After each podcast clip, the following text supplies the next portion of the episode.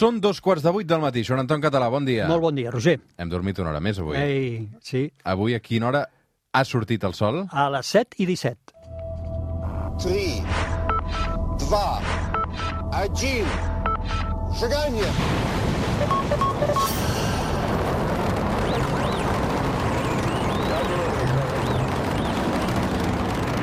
One small step for man,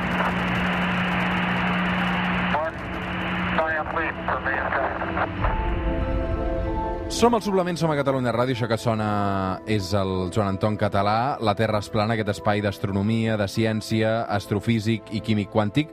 Joan Anton, a veure, canvi d'horari. A tot això, un 27 d'octubre de 2019, Mm. no em vinguis amb que és pel canvi energètic. No, a, a, suposo que en algun moment ho era, però ara ja no. Ara és perquè dormim una hora, més, una hora més, que és, eh, ja em veus la cara agafats. Sí, després a l'estiu dormim una hora menys. Sí, sí, després ho paguem.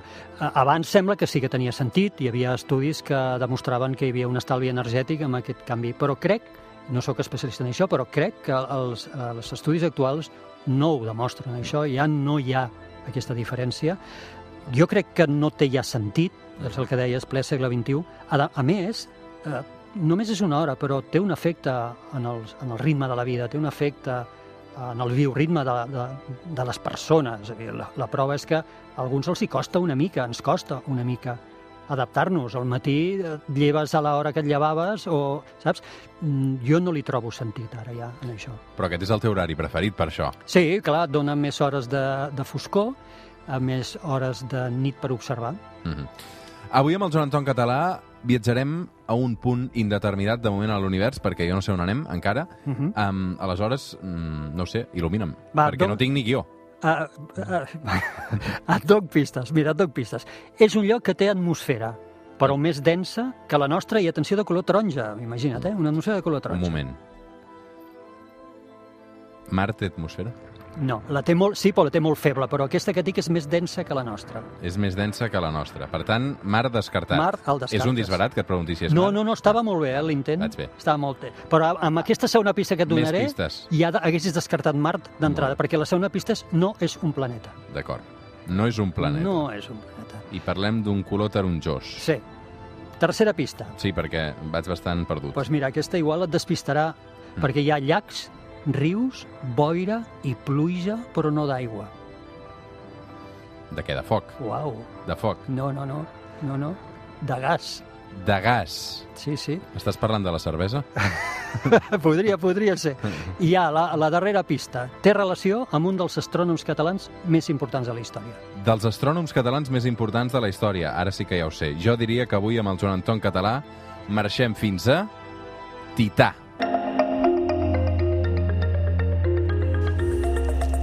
Bé, Molt bé, perfecte. doncs avui viatgem fins a Tità, hem donat unes quantes pistes. Descobrim-lo una mica més perquè eh, no en tinc ni idea. A veure, Tità és un satèl·lit? Sí, és un satèl·lit de Saturn. Saturn eh, és el segon planeta més gran del sistema solar i fa res, dos dies l'hem declarat el rei, ja no només el senyor dels anells, sinó també el rei dels satèl·lits, perquè actualment en els 20 que s'han descobert fa poquet és el, el planeta que més en té. Ara et dic la xifra de memòria, crec que passen de... en té 72, crec, eh? ho, dic, ho dic de memòria. Uh, I aquest, Tità, és el seu satèl·lit més gran, el més important de Saturn, es diu Tità. Dintre del sistema solar és el segon més gran dels satèl·lits. Ganímedes, que és un satèl·lit de Júpiter, és el primer, i ja ve Tità com a, com a segon satèl·lit. Perquè ens fem una idea de com de gran és, és una vegada i mitja més gran que la nostra Lluna. La nostra Lluna ja és gran, doncs imaginem, Tità és una vegada i mitja més gran que la nostra Lluna. I com que està molt lluny del Sol, a, a Saturn, doncs està fet, és un món gelat. Està a molt baixes temperatures, menys 180 graus eh, de temperatura, i això fa que moltes de les coses que aquí són líquides o gasoses, allà siguin líquides o sòlides, vale? perquè està tot gelat.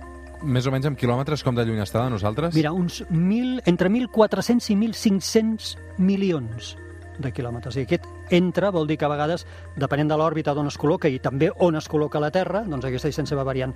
Això, entre 1.400 i 1.500 milions de quilòmetres, que es diu aviat. M'has dit que té atmosfera. Sí, és una atmosfera també una vegada i mitja més densa que la de la Terra, que també té mèrit, perquè tot i ser més gran que la Lluna, és molt més petit que, que la Terra, Tità. I té una atmosfera molt més densa. Vol dir que si tu estiguessin allà, a part de passar molt de fred, eh, que el pes d'aquesta atmosfera ens, ens esclafaria. No sé si ens esclafaria del tot, però ens, ens apretaria moltíssim. Pesa una vegada i mitja més que la nostra atmosfera. Escolta'm, aquest color taronja tan característic a què es deu? Clar, és un món taronja, això ho sabem per les fotografies, to- però també per qui vam aterrar. Ara t'explicaré qui vam aterrar en una sonda no tripulada.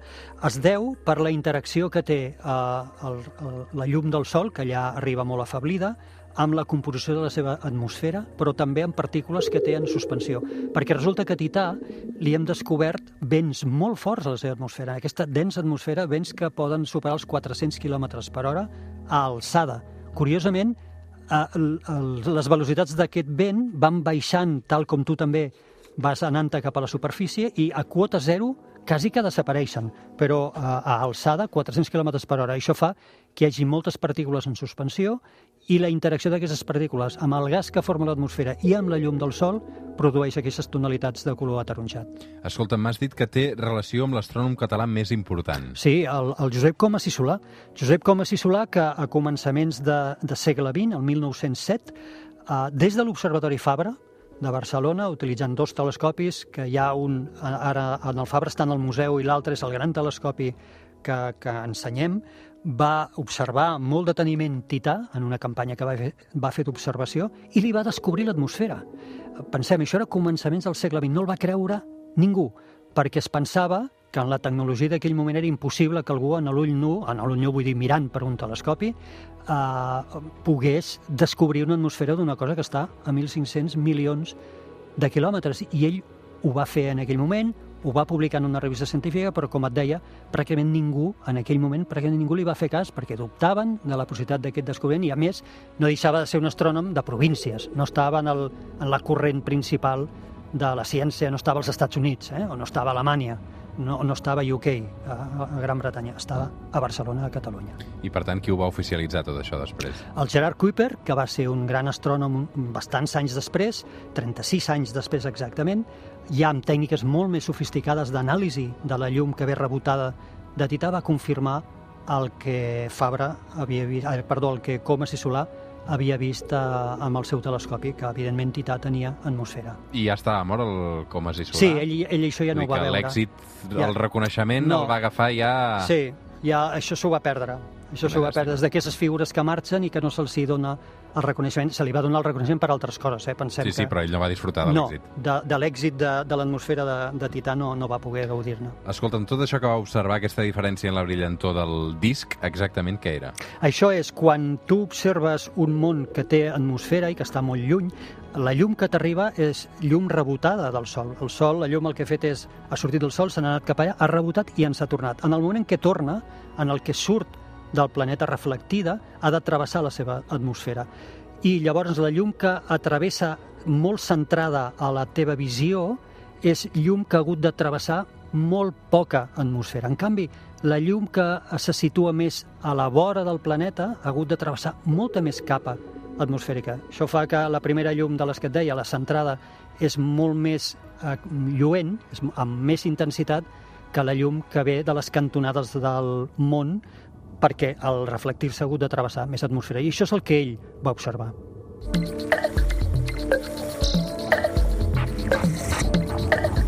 Som al suplement, som a Catalunya Ràdio, això que sona és la Terra Esplana amb el Joan Anton Català cada diumenge a l'hora que surt el sol. De fet, el sol ja ha sortit avui, una mica abans. Um, escolta, m'has explicat que Tità té rius i té llacs. Ah, això és fantàstic, és fantàstic, imagina't, eh? Té rius i llacs, té evaporació, té boira i núvols i té pluja. Eh? Però allà l'aigua és gelada, perquè dèiem està a menys 180 graus de temperatura mitjana, per tant allà l'aigua és gel. Eh, el paper de l'aigua per formar rius, llacs, evaporació, boira, núvols i pluja és el gas, el fa el gas metà. El gas metà, perquè la gent ens es faci una idea, és el gas ciutat, el que utilitzem per cuinar, això és gas metà. Doncs allà el gas metà és gasós en funció de la temperatura, evaporació, eh, líquid en funció de la temperatura quan es condensa i plou. Per tant, llacs i rius de gas metà, núvols i boira de gas metà, pluja de gas metà. Per tant, tots aquests fenòmens atmosfèrics que també es produeixen a la Terra allà també es produeixen, però en aquest cas amb gas metà. Exacte, eh? seria com el cicle de l'aigua en aquí, no tan, no tan bèstia com aquí, no tan abundant com aquí, però eh, es produeix. Eh, tenim fotografies fetes eh, des de, per exemple, pel telescopi espacial Hubble, però també per la missió Cassini, una missió famosa que n'hem parlat alguna vegada de la NASA que va estar 13 anys explorant eh, els voltants de Saturn, on es veuen els llacs i mesos després aquests llacs s'han reduït de mida o alguns dels petits han desaparegut per després tornar-se a formar, la qual cosa demostra això que dèiem, no? que hi ha una evaporació, que hi ha, i després que hi ha un procés invers, hi ha una pluja per tornar a, a, a fer aquests llacs i aquests, aquests rius. Té aigua? Moltíssima més aigua que la Terra. Estimem que té 13 vegades, 13 vegades més aigua que la Terra, sent molt més petit. Tità és un 7%, només representa un 7% de la Terra en volum. I tot això té 13 vegades més la massa d'aigua que hi ha allà. Allà la té, evidentment, gelada, com dèiem, però aquí ve la gran cosa. Ara sabem i sospitem, tenim raons per sospitar, que sota de la superfície hi podria haver grans quantitats d'aigua líquida mars d'aigua líquida sota de la seva superfície. Tot i així, no és una alternativa a la Terra per anar-hi passar un cap de setmana. Eh? Jo no hi aniria, jo no hi aniria, però sí que és una alternativa per anar-lo a explorar i és, de fet està en un, és un target, és un objectiu dels primers de la llista tant per la NASA com per l'Agència Espacial Europea per on enviar-hi a on enviar-hi missions per intentar entendre què és això de la vida i com va aparèixer a la Terra i com podria haver aparegut en altres llocs. Volcans de gel. Sí, um, clar, i vam veure, tot això ho hem vist, com et deia, mm, des de telescopis de la Terra, ho hem vist per la sonda Cassini, però sobretot ho vam veure per una sonda que es deia Huygens, que va aterrar, vam fer aterrar sota la superfície, sobre la superfície de Tità, que es va desprendre de la Cassini i va viure durant 72 minuts en allà a la superfície enviant dades i fotografies que estan per internet i vídeos de tal com anava baixant, que són increïbles. Tal com va baixant, es va obrint la boira, es van obrint els núvols taronges i es comencen a veure muntanyes, es comencen a veure rius, es comencen a veure formes erosionades que indiquen el pas de rius secs. Quan ella a terra troba eh, roques arrodonides que són com les nostres de riu, que han estat erosionades per no aigua, en aquest cas és gas. Però també troben o trobem zones d'aquest món de Tità que no tenen apenes impactes de meteorits. Què vol dir això? Que són zones relativament geològicament joves, que s'han anat formant en els darrers milions d'anys, que no han tingut temps d'omplir-se d'impactes. I això vol dir volcans o activitat geològica, però allà no és, no és de lava, com en aquí, sinó són criovolcans. Són volcans que el que llencen eh, no és eh, magma, sinó que és aigua gelada, gel d'aigua i altres eh, gasos, eh, diríem, en estat sòlid, gelats, eh, com si fos magma.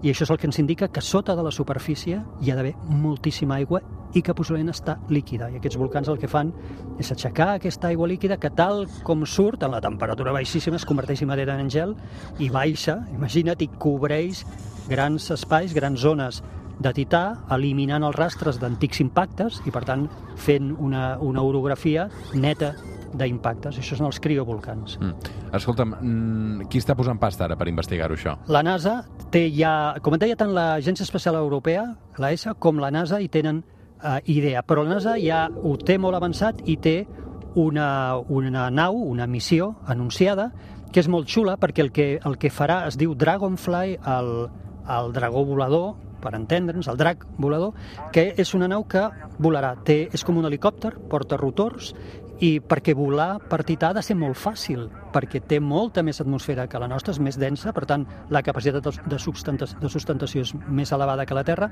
té molta menys gravetat, per tant, és molt més fàcil enlairar-se, i això permetrà en aquesta sonda fer llargs recorreguts i que es pugui desplaçar a llocs de, que tinguin interès científic. Uh, en concret, la data aquí ara, que es podria canviar, eh, perquè estem encara, és que sortiria de la Terra l'any 2026 i arribaria allà al 2034. Què dius ara? Sí, i estaria explorant durant 3 anys. Vuit anys de viatge? Uh, i, I segurament rebotant, eh? perquè quan enviem aquestes, aquestes sondes les, les fem rebotar a, a varis llocs. El viatge no només és el viatge, mai s'entra directament. A Mart sí que ho fem, eh? però aquí no crec que s'entrés directament. Aquí el que faríem és entrar en òrbita, a lo millor, eh? ara, a lo millor en òrbita de Saturn, estabilitzar l'òrbita, igual entrar en òrbita de Tità, i ja quan les coses les tenim clares i veiem que tot està bé, llavors ens atrevim a, a aterrar.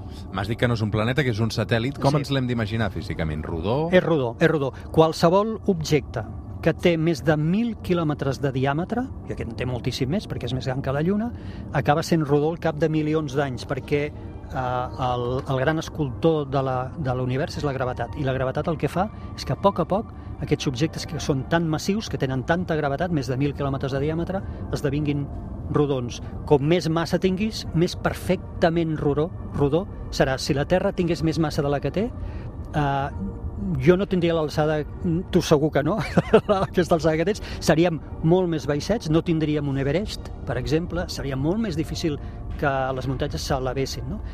Al final la gravetat és la que et deix eh, elevar-te o no i és la que et fa ser més o menys rodó. Tu quan et vas fixar en Tità? Quan vas dir vull descobrir més sobre això? Uh, com que sempre m'ha interessat molt l'exploració espacial, la, tota aquesta aventura de la sonda que va aterrar uh, m'ha fascinat des de fa molt de temps. He llegit molt sobre ella, he vist els vídeos... Jo quan ho veig m'imagino com si jo fos dins d'aquella sonda i em sembla increïble que puguem veure aquest descens i com es van obrint els núvols i comencen a aparèixer muntanyes taronges, no? I marques que dius, això són torrenteres, és que això són torrenteres, i com va baixant, com acaba tocant a terra tranquil·lament i es balanceja suaument, com li veus l'ombra del paracaigudes que es desplaça, no, només veus l'ombra, que es desplaça pel davant seu perquè el paracaigudes va caient i li veus l'ombra. Com s'aixeca de terra un vapor que, com els, els miratges que tenim a les nostres autopistes quan fa calor, perquè l'escalfor de la baixada de la sonda fa que una mica del gas, aquest metà que hi ha, s'evapori i veus com, com veus les roques al davant i veus que són rodones. És que increïble. Jo, no sé, jo trobo una cosa fascinant. Tu de petit devies voler ser astronauta, Sí, no? per suposat. M'ho pregunten molt, eh? em diuen... Uh, i, fins i tot també, com alguna vegada t'he explicat, hi ha escoles que no saben el que és un astrònom, un astrofísic, nens molt petits. I quan hi vaig esperen veure un astronauta i tenen, es deceben, de pobrets, quan entro... de Brad sí, Pitt algun dia ho hauré de fer. a, a, Ad Astral, aquesta gran pel·lícula. Astra, sí, sí. Ad Astra, sí, és Sí, veritat. sí. Um, i, i, I què va troncar el camí cap a convertir-te en astronauta, Que- que- en Pedro Duque? No ho vaig ni intentar, la veritat, no ho vaig ni intentar, si la vida et porta per altres, per altres llocs, però ai, se, se'm moriria. Jo sí, de, de, de gust, eh? jo si pogués veure la Terra des de fora, només veure-la des de fora, seria feliç. Sempre amb bitllet de tornada, perquè sé que això hi ha gent que està disposada a fer-ho amb bitllet d'anada, jo no. Jo m'estimo molt que hi ha aquí, la meva família, els meus amics, la meva vida, me l'estimo molt, però sí que m'agradaria veure la Terra des de fora. Ha de ser irrepetible.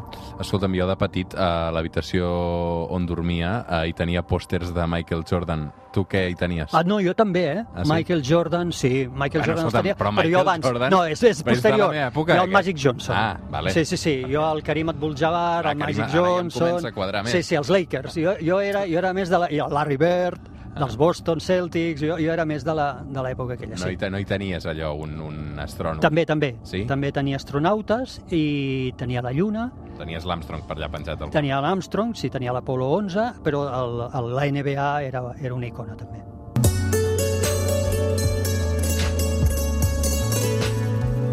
Joan Anton, abans d'acabar, què hi passarà aquesta setmana al cel? Doncs mira, demà tenim lluna nova, per tant, ja sabem que això vol dir cels foscos, moment ideal per aixecar la vista i veure que la constel·lació reina de les nits, la que ens domina, és la gran constel·lació del cavall alat, que és Pegàs, Mm? que és com un, és un quadrat molt, molt, molt gran. És molt fàcil de distingir si Aquesta algú... l'hauríem de veure un llum... Sí, absolutament. De- No des de Barcelona, eh? I des de Sabadell ho dubto.